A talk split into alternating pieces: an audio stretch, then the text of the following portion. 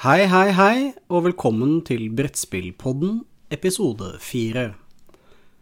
Mitt navn er Jon Songvold, og som en god del mennesker har fått med seg nå, så er jeg fryktelig glad i å spille spill.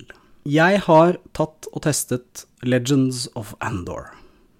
Dette mystiske spillet som mange opplever som litt sånn nesten vanskelig å få på bordet, fordi det er et eventyrspill, eller et adventure game. Og det er flaksbasert terningslåssing. Og det er ufattelig vakkert. Først og fremst så vil jeg påstå at førsteinntrykket av spillet er at det er veldig pent, men at det mangler f.eks. plastfigurer, da, fordi alt er papp her. Så f.eks. Eh, figuren, eller heltene som du spiller, er en flat pappfigur med en tegna mann eller dame som står i en grønn standee. Og det trodde jeg skulle være sånn litt irriterende når jeg spilte det, men egentlig så er det bare et pluss, fordi det gjør at du får en mye, mye bedre innlevelse i spillet, på en måte. Altså, det er ikke grå plastfigurer som du helst må male før du spiller. Det er ferdig artwork som popper skikkelig bra ut på brettet. Og det bringer meg til brettet. Eh, brettet er ufattelig vakkert. Det er rett og slett eh, et tosidig brett på samme size som f.eks. Ticket to Ride, eh, som er inndelt i forskjellige områder. Og det er rett og slett et veldig, veldig pent spill. Det er i aller høyeste grad eh, et spill verdt å teste. Når man åpner spillet, så er det første man eh, ser, det er regelbøkene, eller hva skal man kalle det? Det er en som heter referansemanual på engelsk. Reference manual. Og en som heter Quick Start Guide. Og det er jo jeg uttalt ordentlig eh, ikke glad i å teste ut. Men eh, Eller teste ut. Og jeg mener at man skal skrive reglene i én bok og ferdig med det. Men akkurat på dette spillet her så funker det fantastisk godt. Um, de har laget en quickstart-guide som uh, det, det, er samme størrelse som spillesken på selve trykksaken. Og på førstesiden så er det egentlig bare setting up the game, altså, og litt sånn hva du skal gjøre. Litt sånn hva du må gjøre før du spiller. Poppe ut brikker og sånne ting. På side to der så forklarer de helte... Altså spillebrettet. Heroboardsa, eller de brettene du spiller din karakter på, er jo tosidige. Det er en side med en mann og en side med en dame. Så her er alle karakterene uh, mulig å spille både gutt og jente. Det er òg egentlig et pluss, fordi det er et tema at det er litt vel mye gutte, gutteorientert i veldig, veldig mange spill. Så her har du muligheten til å spille uansett preferanser på kjønn. Side to forklarer egentlig bare hvordan du skal flytte. Og side tre forklarer hvordan du setter opp resten av testrunden din. Og det er det. Fire sider med informasjon som faktisk forklarer i stor grad hele spillet.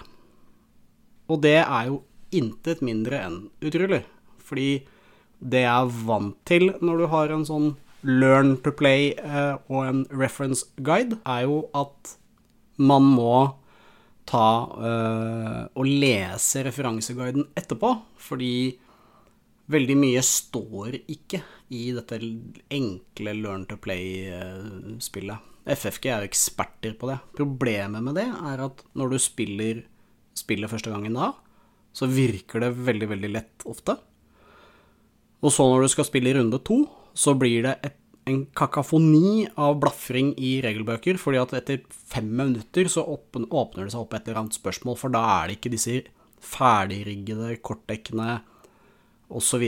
som gjør at du på første kortet du trekker opp, så bare hva, hva nå? Hva gjør jeg nå? Og så må du blafre i, i referanseguiden. Da. Og referanseguiden til FFG er gjerne 24 sider, eh, mens referansen her, på denne Kosmos-utgivelsen her, er åtte sider med veldig mye bilder. Så dette er adventure game for families. Og det er nok litt derfor det er alder 10 og oppover også. Det er i aller høyeste grad eh, et spill som tåler å bli spilt flere ganger Og mange vil sikkert si at ok, det er et barnespill. Eh, det er det ikke. Det er superkomplisert strategi i dette spillet. Fordi på siden av brettet så har du et en space hvor du har noe som kalles en narrator, eller en forteller, som går oppover. Han går fra A, B, C, D og opp til 1. Og det som skjer med han når han kommer til en stjerne, er at du skal lese et nytt kort fra Legend-dekken. Legendene er jo det de eh, eh, Altså det som driver storyen fremover, og som gjør at du til slutt vinner eller taper. Men vi spilte to runder, så vi spilte Legend 1 og 2 eh, i går. Og det må jeg si Når vi spilte Legend 2, så satt vi der og bare hm, skal vi Det er mulig å spille en easy option her, hvor du kan velge de grønne kortene istedenfor de vanlige kortene. Uh, og vi er litt sånn eplekjekke, bare Nei, vi tar vanlig, vi kan ikke, vi kan ikke tape på easy, liksom. Så uh, Og det er jo typisk oss, forresten. Og vi oppdaget ganske fort, når vi kom ca. Ja, 40 minutter ut i det spillet, at uh, her ligger vi veldig godt an til å tape så det suser. For vi, det er ikke nok tid i spillet til å ta og drepe alt. Det er det man er vant til i sånne adventure-spill som det her. At du tar et monster, hopper videre til neste monster, tar det monsteret. Problemet med det er at når du dreper ett eneste lite monster, som er veldig lett å drepe for øvrig, så går jo denne fortelleren, eller narratoren, hopper oppover til neste space, og da må du lese. Og da plutselig så kommer det mer ut på kartet, eller brettet, og da får du plutselig problemer med eh, diverse løsninger eh, rundt strategien din. Det vi skulle gjøre, var å Det var tredelt. Vi skulle redde kongen fra å dø, så vi måtte ha tak i en, eh, en urt fra en heks. Og så måtte vi uh, drepe en skral, eller skral, kaller de det. Scrolls er det. Uh, som sto i et tårn og hadde 40 strength, og det betyr jo altså når de kaster da terningen sin, så får de uh, eh, 40 pluss terningen. Så si for eksempel da at de får 46 strength, da. Og så skal du kaste din terning, så får du en sekser, og så har du tre strength. Så da blir du drept med typ 35 poeng. Så her måtte man slå seg sammen alle fire, og være alle fire når man eh, eh, slo den skrallen. Det var jo det som var liksom endgame-biten. Det er fullt mulig å drepe de, fordi hvis du eh, legger sammen alle spillerne, og i tillegg det kom ut noe på dette brettet her som gjorde at vi fikk doble terninger osv. Så, videre. så plutselig ble en sekser en tolver, og da hjelper det veldig. Så vi endte opp med å slå 64 mot 44. Så vi drepte den så den suste, for den hadde bare seks liv. I etterkant av spillet så er det svært lite negativt å si om det. Det er veldig enkelt å forstå, og det er laget med tanke på at familien skal kunne spille dette spillet. Det er, det er kanskje ikke superdesignet for å ta med på en uh, brettspillkveld, og jo, det er det faktisk. Det er mer enn bra nok, og det som er litt kult Fordi vanligvis, når jeg spiller adventure games, så er jo det helstrukne i Trash-spill. Flytt en plass, drep en dude med terning. Det er, som jeg tidligere sa, helt umulig i dette spillet. Dette spillet er et eurogame. Dette spillet handler om å finne riktige strategier for den legenden du er i. Det gjorde at vi fikk, vi fikk faktisk helt på slutten, før, når vi liksom Det var to av oss, meg og en til, som sa liksom dette her klarer vi ikke. Dette er game over. Og så var det to som er mye mer vinnerskaller enn oss to andre, som sa at nei, men vent nå litt, la oss se litt på dette. Og så diskuterte vi oss imellom som spillgruppe. Det, det, er faktisk en av de mest inngående diskusjonene jeg har vært med på i en strategiutvikling for et brettspill noen, noen gang. Jeg tror vi diskuterte nesten en halvtime før vi liksom gikk for å prøve. Uh, og det som var kult, var at vi klarte å vinne det spillet i tolvte time. Hadde vi ikke hatt den der halvtimessesjonen med å klekke ut hva alle skulle gjøre, osv., eh, så hadde ikke det her gått. Um, det hadde aldri i verden gått på en sånn standard Ameritrash-tilnærming, hvor du bare Ok, kleis alt, og så vinner vi. Det, fordi det er veldig ofte det Ameritrash-spill uh, er i essens, da. Dette er et på mange måter et mye bedre spill for det norske markedet, da. For nordmenn er tradisjonelt mer interessert i eurospill enn i Ameritrash-spill. Det er i aller høyeste grad et spill som jeg mener burde vært oversatt til norsk uh, og gitt ut i Norge som en tilnærming for de som er interessert i drager og demoner, uh, og ikke bare romraketter og monopolbrikker. Um, det, det, spillet her kunne fint levd sitt liv på et spillbord med 50 salg hos ark, eller til jul uh, på uh, i uh, en eller annen bokhandel. Jeg er ikke så sikker på at du hadde behøvd å oversette det engang, fordi de selger jo engelske pocketbøker. og dette er et spill som jeg på en måte har lurt på i mange, mange år, men som har vært veldig skeptisk til, for det var ikke plastfigurer osv. Som selvfølgelig viser seg å være totalt dustete. Det, det har ingenting med saken å gjøre. Dette er først og fremst et spill laget av folk som elsker spill, og som er gode Altså, kunstneren er også spilldesigneren, og det er skikkelig cool artwork her. Det er kanskje et av de aller peneste brettene jeg har sett i et spill noensinne. Eh, samme type kvalitet over artworken som f.eks. i Stormenes tid, eh, som også vel er gitt ut av Kosmos, så vidt jeg husker. En ting til som er utrolig kult i det spillet her, det er at det, eh, heltene er uh, ubalansert. Så du kan bytte på de og oppleve forskjellige måter å spille på. Jeg spilte f.eks. Eh, Robin Hood-type karakteren, altså bueskytteren Legolas-duden. Og eh, til forskjell fra de andre så kaster han én og én terning, avhengig av hvor mange terninger han har. Så eksempel så hadde jeg Jeg startet vel med fire terninger. Og jeg skulle kaste én og én terning, og, og den jeg kunne stoppe når jeg ville. Men den siste er den som teller. Og det gjorde hele karakteren til en sånn push your luck-type type karakter. Som gjorde at det, det, var skikkelig nervepirrende å prøve å skyte på et monster der. Og jeg klarte det ofte ikke heller. Jeg er skikkelig kjempetryna. Eh, for da neste runde ha flaks med terningen igjen og klare det. Det som er clouet med flaksen i dette spillet, er jo Det er mange som ikke liker flaks i brettspill. Jeg syns egentlig det er litt befriende. Det kan være utrolig kult å kaste den der akkurat den femmeren du trengte for å klare å vinne på siste kastet. Men det kan også være veldig irriterende å alltid kaste den ene for lite hele tiden. Det eh, som også gjør det utrolig eh, kult Det som eh, på en måte fjerner flakselementet, det er styrken i strength points. Og det kan du kjøpe for gull. Men for å få gull, så må du drepe monster. Eller snu tåkebrikker.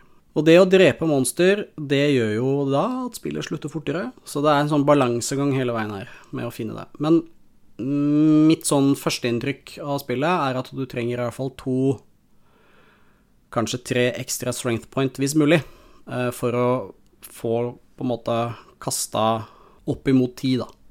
Eh, når du kaster. For du legger sammen terningen med, med Altså, de som kaster flere terninger på en gang, de, de tar den høyeste terningen pluss strength.